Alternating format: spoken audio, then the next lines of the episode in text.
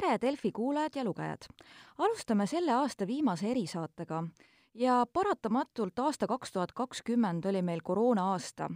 ja räägime praegu päevakajastel teemadel Terviseameti juhi Üllar Lannoga ja mina olen Delfi toimetaja Karoliina Vasli. tervist! tere päevast! Siin eelmisel nädal päev enne jõululaupäeva toimunud Terviseameti pressikonverentsil rääkisite, et tegelikult terviseala hädaolukord on jõudnud kulminatsiooni. ehk tegelikult äh, olukord oli juba väga-väga halb. aga kus oleme me praeguseks hetkeks, kui võtta üle-eestiliselt, et kas äh, olukord on läinud natukenegi paremaks või pigem isegi vastupidi? no hakkame pihta sellest, et äh, milliseid selliseid suuremaid muutusi me näeme et kui nüüd võtta kevadest saadik kogu seda protsessi, siis äh, tegelikkuses esimene selline ärevamaks tegev moment oli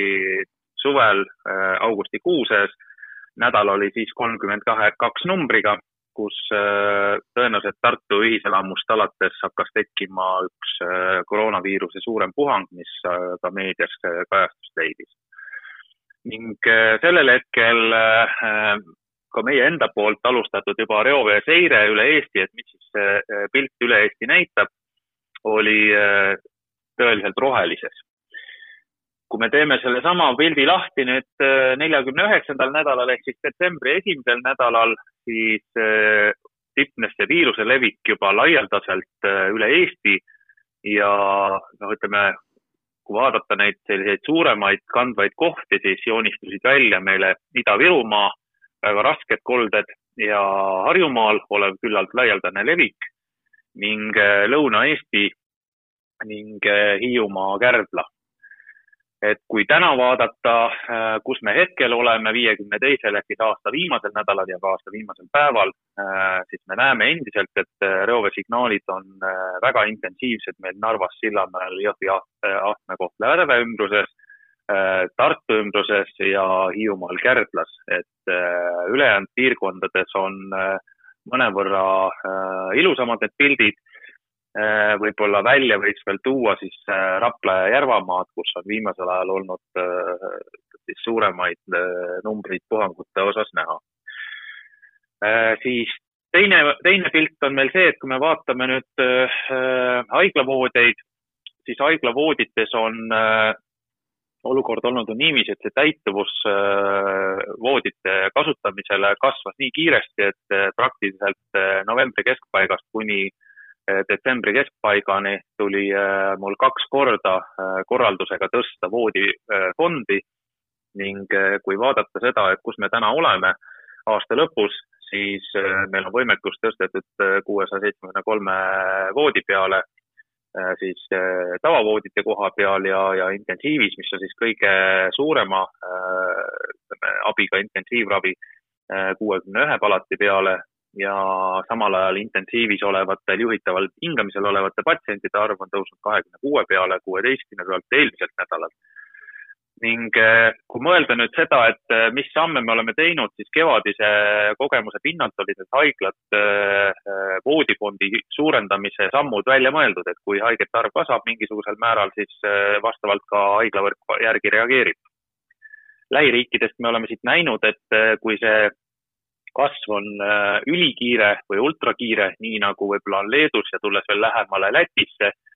siis või vaadates üle mere Rootsi suunas, siis on näha seda, et ühel hetkel äh, see tavapärane plaaniline haiglategevus ei suuda enam oma teenust pakkuda, vaid tema voodid võetakse, hõivatakse nende koroonaviiruse haigete poolt, kes põhimõtteliselt peavad haiglaravi saama tõenäoliselt on igaüks aru saanud, et äh, on äh, Eesti inimeste hulgas samasuguseid äh, kangelasi, kes kodus ennast ravida üritavad, aga ühel hetkel tekib ikkagi terviseseisundis nii järsk halvenemine, et ilma haiglaravita enam hakkama ei saa. ja kui nüüd mõelda seda siit edasi, et me oleme järgmiseks sammuks kavandanud ligi kahetuhandelise haiglafondi avamist ja sealt edasi tekivad siis veel edasised sammud, kus kus see fondide arv veel suureneb niikaua, kuni võetakse kõik haiglavoodid kasutusele ja sealt järgmisena avatakse lisavoodid veel nendes kohtades, nii nagu Leedus korra kavandati, et Pirital asuv näituste väljak muudetakse haiglaks, siis Eestis oli ju ka kavandatud Kalevi spordihall ja üks jäähall selle jaoks, et sellest teha lisahaigapinda juurde, siis seda me ju kindlasti ei soovi ning see ülekuumenemise oht liigselt peale kasvavate haigete näol hakkas jõudma sinnamaani välja, et ühel hetkel ongi vaja tõsta see kahe tuhande peale see voodifond ja see oli minu see, ütleme, esimene hoiatus, et, et kui me nagu samamoodi jätkume, siis mul ei jää teist võimalust kui haiglatele see korraldus anda. Õnneks toonane prognoos äh, on täna läinud äh, selles mõttes äh, Eesti jaoks paremini, et prognoos oli seal kuuesaja kuni kaheksasaja haige jaoks jõulu-uusaasta vahetuses, et kui me täna vaatame seda, et et äh, meil on haiglas kolmsada üheksakümmend kolm inimest äh, ja äh, see oli veel mõned päevad tagasi siin nelisada kolmkümmend, siis pigem on meil inimesi saanud terveks ja saanud haiglast välja. aga samaaegselt mure, muret tekitab mulle endiselt see, et haiglasse on jõudnud rohkearvuliselt vanemaealisi inimesi. nii et noh, ütleme need need signaalid kokku pannes nüüd, et palju haigla võim-, võrk suudab, palju on haigestunud meditsiinitöötajaid selle üldise haigestumise foonil, mida on ka palju, neid on ikkagi sadades, siis nende asendamine on praktiliselt võimatu, nad enamuses on ikkagi isolatsioonis või karantiinis, sõltuvalt sellest, kas nad on siis haiged või, või lähikontaktsed nendele haigetele siis see on see, mis meid äh, sinna sellesse, ütleme, arusaama viis, et äh, kuskilt alates tuleb hakata hetkel äh, meetmeid rakendama selleks, et tulevikuperioodis oleks lihtsam elada. Kui rääkidagi siin meetmetest, et praegu me veel otsest mõju ei näe, et eks seda on ka paari nädala pärast saab järeldusi teha, aga kuidas kas või siin meil Harjumaal ja Tallinnas praegu olukord on, et iga päev ikkagi neid nakatunuid tuleb päris palju juurde, et ja mõnes linnaosas isegi on silmatorkavalt enam, näiteks Lasnamäe ja jah, et noh, selles mõttes, kui nüüd võtta, vaadata, et äh, mis siin pealinna ümbruses toimub, et äh, noh, seda teab igaüks, et äh, Põhja-Eestis ja, ja pealinna ümbruses on ligikaudu pool Eesti elanikkonnast koondunud ja kellega me saame ennast võrrelda, no ega Eestis ja peale Tallinnat kellegi teisega väga võrrelda ei saagi. küll aga me saame võrrelda seda, et, et mida on, mida teeb Tallinn võrdluses kogu teine Eesti ja kui viiskümmend protsenti nakatunutest igas päevas äh, lisandub Tallinnasse, siis, äh, siis on selge, et äh, see on väga suur arv. ja kui mõelda nüüd sellesama Tallinnasse lisanduvate haigete seest, et, et kust nad siis tulevad Tallinnas, siis nendest omakorda ligi nelikümmend protsenti moodustab Lasnamäe ja see on omakorda kolm korda kõrgem kui mis iganes järgmine teine linnaosa Tallinnas ning kui mõelda seda, et Tallinnas või selles Lasnamäel elab äh, mingi sada kuusteist äh, pluss-miinus inimest, siis võrdluspunkt võiks olla meile Tartu linn, mis on enam-vähem sama suure suurusjärguga. et äh, kui Tartus on äh, äh see nakatunute arv päevas mingi seitseteist äh, ja sinna ümber, siis Lasnamäel on see äh, viimase arvuga sada kakskümmend kuus ja kui küsida endalt, et mis on siis nii suur erinevus nüüd Lasnamäe ja Tartu äh, poole pealt, et miks see võiks niiviisi olla, siis noh, tõenäoliselt äh, äh, üks on ikkagi inimeste enda säädumus ja hoiakud ja, ja uskumus nendesse kas või siis ennast säästvatesse vahenditesse ja, ja tegevustesse. aga teiselt poolt tõenäoliselt ka Tallinn pakub lisaks kõigele muule, sest ega Tall-, Lasnamäe ei ole isoleeritud piirkond, muid ahvatlusi ja võimalusi. Ning see inimeste tihedam läbikäimine, äh, nakkuskolletesse sattumine ja vaadates veel seda, et see nakkus, nakkuse protsent positiivsete proovide järgi vaadatuna on seal suurusjärgus üheteist protsendi juures ning, äh, ning Tallinn ei jää sealt äh, nagu erisusega maha, isegi kui me väga kõrge piirkonnana nakatuva Lasnamäe, selle Ida-Virumaa sealt maha arvutame, siis ta ikkagi üheksa protsendi juurde jääb, nii et tegelikkuses nakkust saada Tallinna linnas iseenesest selles kohas, kus sa ei tunne seda seltskonda, on väga lihtne. Aga mis siin aitaks? Või pigem ongi, et praegu lihtsalt vaadata, et kuidas need uued meetmed aitavad ja kui need ei aita, et siis võib-olla ka uusi veel karmimaid meetmeid just siin ka pealinnas ja noh, muidugi päris linnaosasid kinni ei hakka panema, aga siiski, et ülelinnaliselt. noh, kindlasti, mis, mida on võimalik teha, et äh, ühelt poolt ma tahan kiita Tallinna linna, et äh, ma tean seda, et nende neliteist tuhat erinevat ametnikku, kes äh, igapäevaselt erinevas linnaosas teenindavad linnakodanikke, nii nõustavad kui, kui ka reaalselt väljastavad IKV-sid ehk siis isikukaitsevahendeid kui ka kui ka käivad vaatamas neid linnaobjekte, milles peaks olema desinfektsioon ja viirustõrje teostatud. et nende panus on märkimisväärne ja kindlasti väga suurt tunnustust väärt teiselt poolt, äh, kui nüüd mõelda selle peale, et äh, mida inimesed äh, tänaval teevad, siis noh, seda tõenäoliselt paari tunni pärast on võimalik juba näha. et kui hästi me suudame mõelda sellisele eufoorilisele aastavahetuse hetkele, minnes selle peale, et minu ümber olevad inimesed oleksid minust piisavalt kaugel. mul oleks endal oleks mask ees, et mul ei teki võimalust seda nakkust saada või veel enam, et kui äh, toimub mingi kiiseva joogi joomine, et siis äh, et seda ei tarbita äh, sellises seltskonnas, kus ei teata, kelle käest see joogipudel või, või klaas talle ulatatakse. et neid on palju selliseid tegevusi, mida inimesed saavad ise ära teha. ja noh, oleme ausad, ka meie kahekesi omavahel siin rääkides tõenäoliselt ei, ei suuda veenda ühte koma kolme miljonit inimest tegutsema täpselt ühtemoodi vaid äh, tõenäoliselt peaks äh, siis vastutustundlikkus ja, ja inimeste soovlikkus tuleviku nimel pingutada. Äh, ikkagi olema nende enda sees, et see on, ma arvan, kõige parem, mida üldse võiks ka Terviseamet tahta kui ka rääkida siin Terviseameti sihtidest ja ka laiemalt, siis äh, meie esimese laine järel suur eesmärk oli, et kui noh, kui ta tuleb see teine, et äh, ei jõuaks hooldekodudesse, et sealt eemale hoida, sest kui juba sinna läheb, siis on paratamatult teada, mis asjad juhtub. ja alguses tundus ka, et õnnestus, aga nüüd siin detsembris on järjest nendest äh, kolletest ikkagi kuulda, et mis seal võib see murekoht olla, et kas töötajad viivad sisse, kas inimesed on muutunud natuke jälle muretumaks või mis selle taga, taga peitub? Jah, selles mõttes on see väga tänuväärt küsimus, et äh, see on ühe tervishoiusüsteemi äh, ülekuumenemise hetkega äh, selline märki, märkimisväärne koht. see oli detsembri keskpaigas, kus üle viiekümne aastaste inimeste nakatumise osakaal tõusis üle alla viiekümne inimeste, viiekümne aastaste inimeste osakaalust, mis näitab seda, et see haigus hakkab järjest rohkem jõudma nendesse vanemaealistesse gruppidesse ja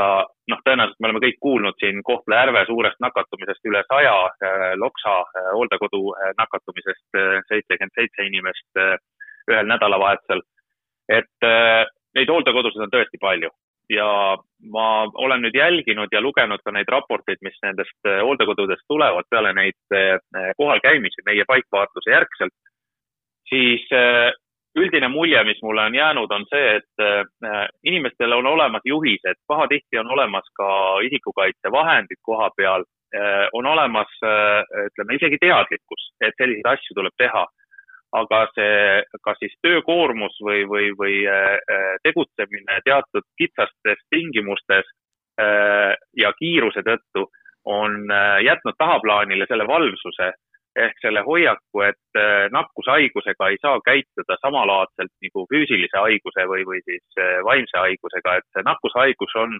hiilivalt kogu aeg nende hooldus, hooldustöötajatega kaasas, sõltumata sellest, mis rolli nad kannavad, et kas nad nüüd reaalselt hooldavad neid äh, inimesi, kas nad jagavad toitu või valmistavad toitu või nad kannavad seda toitu laiali erinevate siis hooldekoduplokkide vahel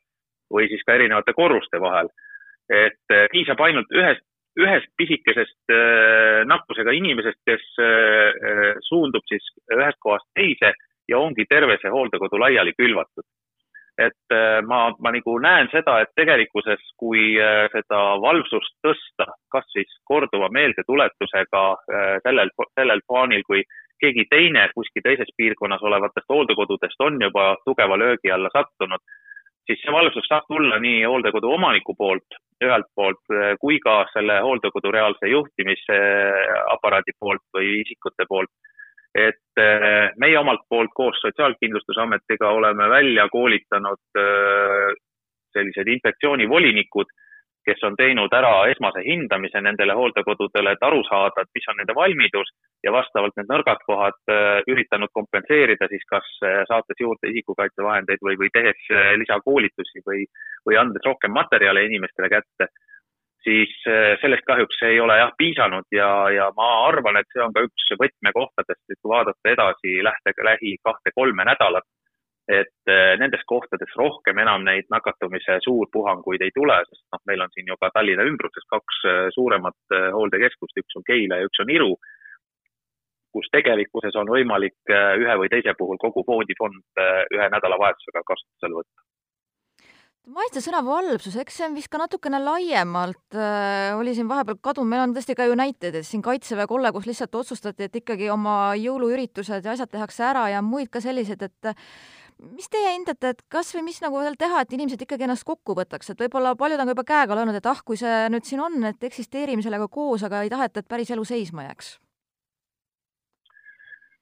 Äh, sellele on isegi väga raske küsimust leida, et mida inimese äh, mõtteviisis äh, peaks nagu reaalselt muutuma selleks, et ta saaks aru, et kõik see, mida ta teeb, teeb ta tegelikult iseendale. Et pahatihti heidetakse ette kõikvõimalike meetmete kehtestamist, aga neid meetmeid ei oleks vaja ju kehtestada, kui, kui ei oleks alust selle meetme efektiivsuse otsimisele. Et eh, noh, mina isiklikult arvan, et eh, vastutus langeb ikkagi nendele isikutele, kes eh, reaalselt peres omavad mõjuvõimu või, või siis eestkõneleja rolli, kes töökohtades on juhtivatel positsioonidel, olenemata sellest, et ta on asutuse juht, see võib täitsa vabalt olla ka väikese üksuse juht või siis osakonna juht, selle taseme inimene. Kindlasti on olemas väga hulk, palju hulk inimesi, kes täna töötavad töötervishoiu nimel erinevates asutustes ja saavad juba selle rolli kaudu olla abiks selle valvsuse ja, ja teadlikkuse tõstmisele, olles kas siis seinte peale vastavate siltide kleepija, teatud juhiste väljatrükkija ja, ja nende meeldetuletaja noh, neid tegevusi on tegelikult palju ja nagu võtame nagu haridustee käigu, siis tõenäoliselt elu jooksul esimesest klassist alates, võib-olla isegi lasteaiast alates me ju saame kogu aeg selliseid äh, suuniseid, et, et kuidas oleks vaja pesta käsi ja kuidas oleks vaja äh, viirusperioodil käituda nii, et äh, iseendale mitte seda haigust saada kui me lähme nüüd vastu aastale kaks tuhat kakskümmend üks, siis suureks lootuskiireks on meil vaktsiinid, mis on meile nüüd juba küll väikestes kogustes, aga siiski juba teatud määral kohale jõudnud. siin meedias on viimastel päevadel kajastatud, et tea, et kas vaktsineerimine kuidagi aeglaselt alanud, aga kuidas, kuidas sellega siis praegu ikkagi on, et kas kõik kulgeb plaanipäraselt või on ka mingeid tõrkeid olnud, et kuidas sellega läheb? Noh, hakkaks kõigepealt pihta, et, et millised tegevused on tehtud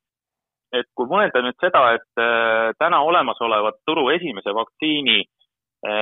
tootja käest Eesti riik on tellinud vaktsiini kolmele sajale tuhandele inimesele, siis Pfizer, Pfizeri vaktsiini.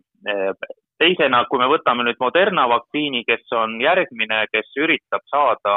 kasutusluba ja teadaolevalt on praegu siis eh, kaks võimalust tal seda saada, kas siis kuuendal jaanuaril või kaheteistkümnendal jaanuaril lisakoosolekul Euroopa Ravimiametis. siis eh, eh, selle vaktsiini eeltellimus on saja seitsmeteistkümnele tuhandele inimesele. Pfizerile lisaks on juba täna ära tellitud Eesti poolt viiekümne tuhande doosi ehk siis kahekümne viie tuhande inimese lisavõimalus ja ära on teatatud Euroopa suunas ka veel saja kahekümne viie tuhande inimese vajadus äh, nendele või noh, võimalus äh, osta juurde. et loodame, et see meile ka reaalselt tuleb. ning äh, kui siit vaadata edasi, järgmine ehk siis Inglismaal juba vaktsineerimise aluseks saanud AstraZeneca vaktsiinidoose on Eesti riik varunud veel juurde Euroopa keskhankest kuuesaja kuuekümne viiele tuhandele inimesele Äh, Jansseni äh, vaktsiini kolmele sajandale, sajale tuhandele inimesele ning äh, kokku on siis viie lepingu kaudu Eesti Euroopa Liidu ühishankest küsinud kolm koma üks miljonit doosi, millega tegelikult oleks võimalik isegi vaktsineerida üks koma viis miljonit inimest, et nüüd mõtleme siia kõrvale Eesti, Eesti enda rahvaarvu üks koma kolm miljonit, siis noh, ilmselgelt on näha, et meil on äh, tehtud kõik endast olenev selleks, et äh, isegi kui mõni nendest tootjatest peaks täna ära langema, siis see katvus peaks olema piisav selleks, et äh, ülejäänud tootjate vaktsiinidega edasi liikuda ja terve aasta, järgmine aasta saada nüüd sinnamaani, et aasta lõpuks kõik soovijad peaksid tasuta olema oma vaktsiini kätte saanud. et kui vaadata nüüd järgmist aspekti, et mis hetkest alates oleks saanud üldse seda tegevust rohkem planeerida, siis äh, vaktsiini tehnilised andmed ehk siis ravimileht, mida inimene võtab vast välja ravimikarbist,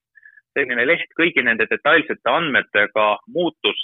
kõigile riikidele kättesaadavaks kahekümne esimesel detsembril ehk siis vahetult jõulueelsel perioodil.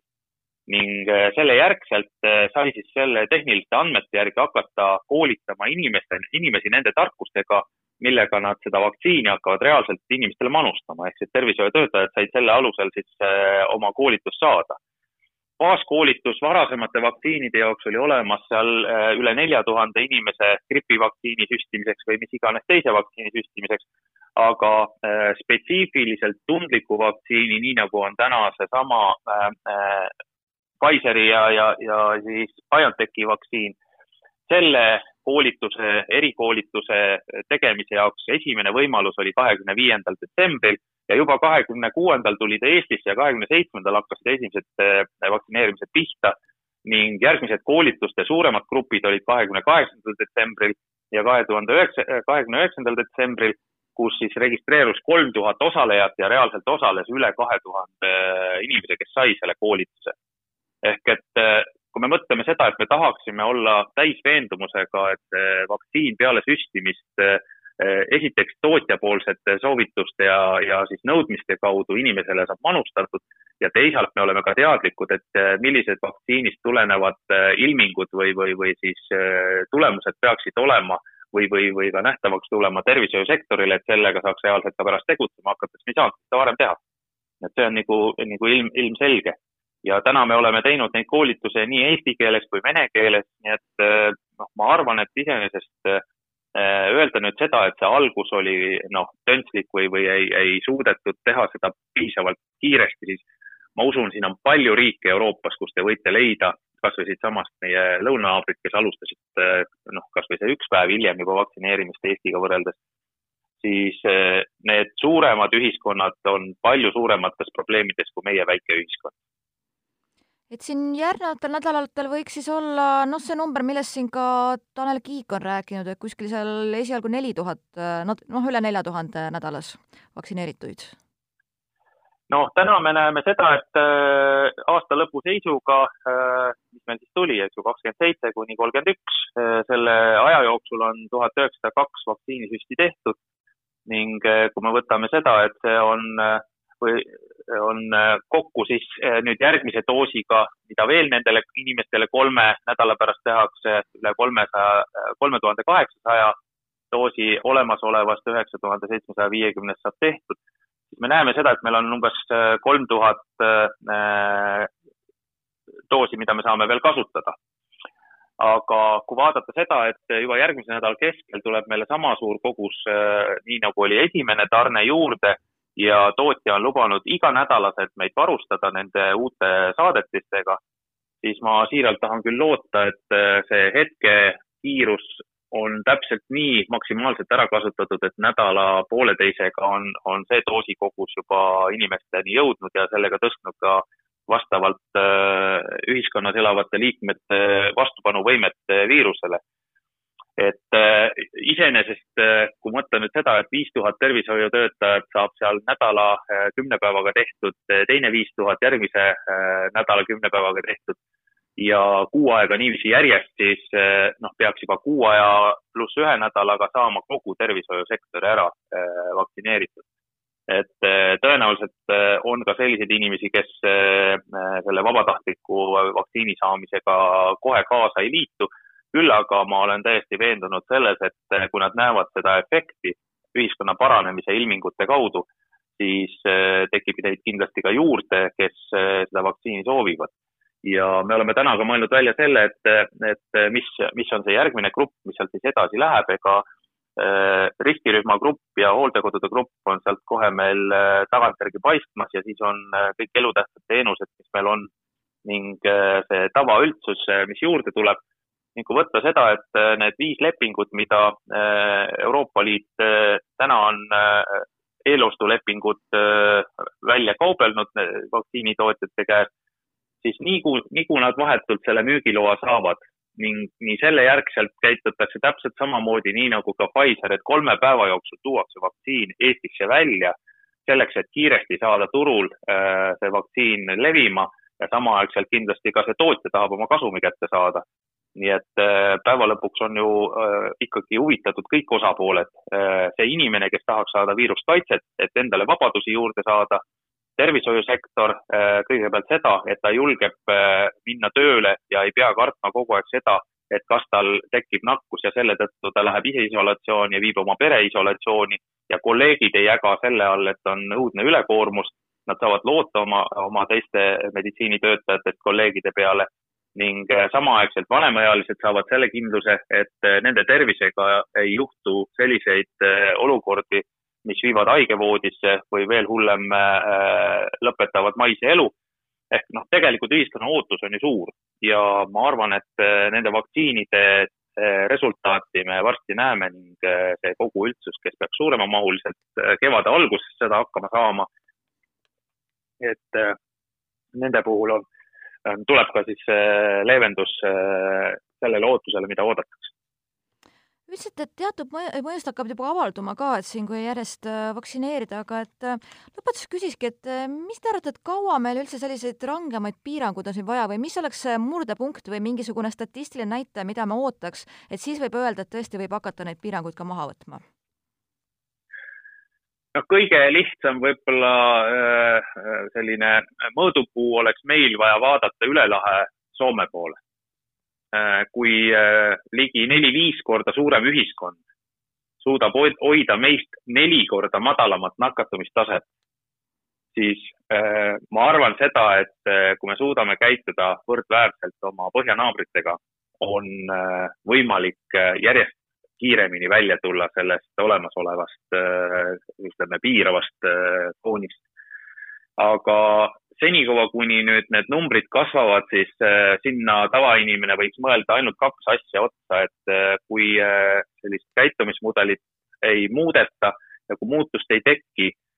siis haiglavõrk reageerib veel kaks nädalat pärast seda, kui peaks isegi platoo tekkima, oma numbrites ülespoole edasi ehk haiglatesse jõuab rohkem inimesi veel kaks nädalat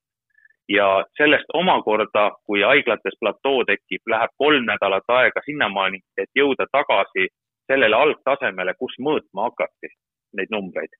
ehk ligi viienädalane impulss on olemasolevast tasemest kuni uuesti samale tasemele platoo pealt tagasi jõuda. Ehk et eh, sellest vaadates, noh, kui me täna läheme siit eh, lihtsalt eh, mõtleme edasi järgmiseid ajahetki, siis piirangud hakkasid kehtima meil kahekümne kaheksandast detsembrist. Ja me näeme ära seda, et haiglatesse enam juurde ei tule või see haiget, haiglate täituvus ei kasva äh, kuskil neljateistkümnenda detsembri või neljateistkümnenda jaanuari paiku ja sealt mõtleme edasi veel kolme nädalat, siis me jõuame sinna veebruari teise nädala sisse oma, oma asjadega siis üks asi, mida tõenäoliselt äh, iga tavakodanik võiks mõelda, et epideemia ei ole nagu äh, mingisugune kirurgiline äh, operatsioon, kus probleem lõigatakse välja ja homme teda enam ei ole. epideemia tuleb, levib aeglaselt, haarab enda alla massiivselt uusi alasid ja ta lahkub ühiskonnast täpselt samamoodi, kui ta tuleb ehk et see võtab aega, tuleb olla kannatlik ja teha kõik selle nimel, et ta vähem tõuseks. loodame, et nii läheb ja loodan, et kui aasta pärast äh, võtame teemasid kokku, et siis saame hoopis rääkida sellest, äh, kuidas vaktsiin on meid äh, väga palju aidanud ja pea kõigini jõudnud. igal juhul aitäh teile, head aasta lõppu ja jõudu-jaksu oma töistes tegemistes! Eh, oleme kõik terved ja aastavahetusel katsume siis teha selle nimel kõik, et eh, saluut oleks olemas ja elud ja tervised jääksid alles. aitäh! aitäh!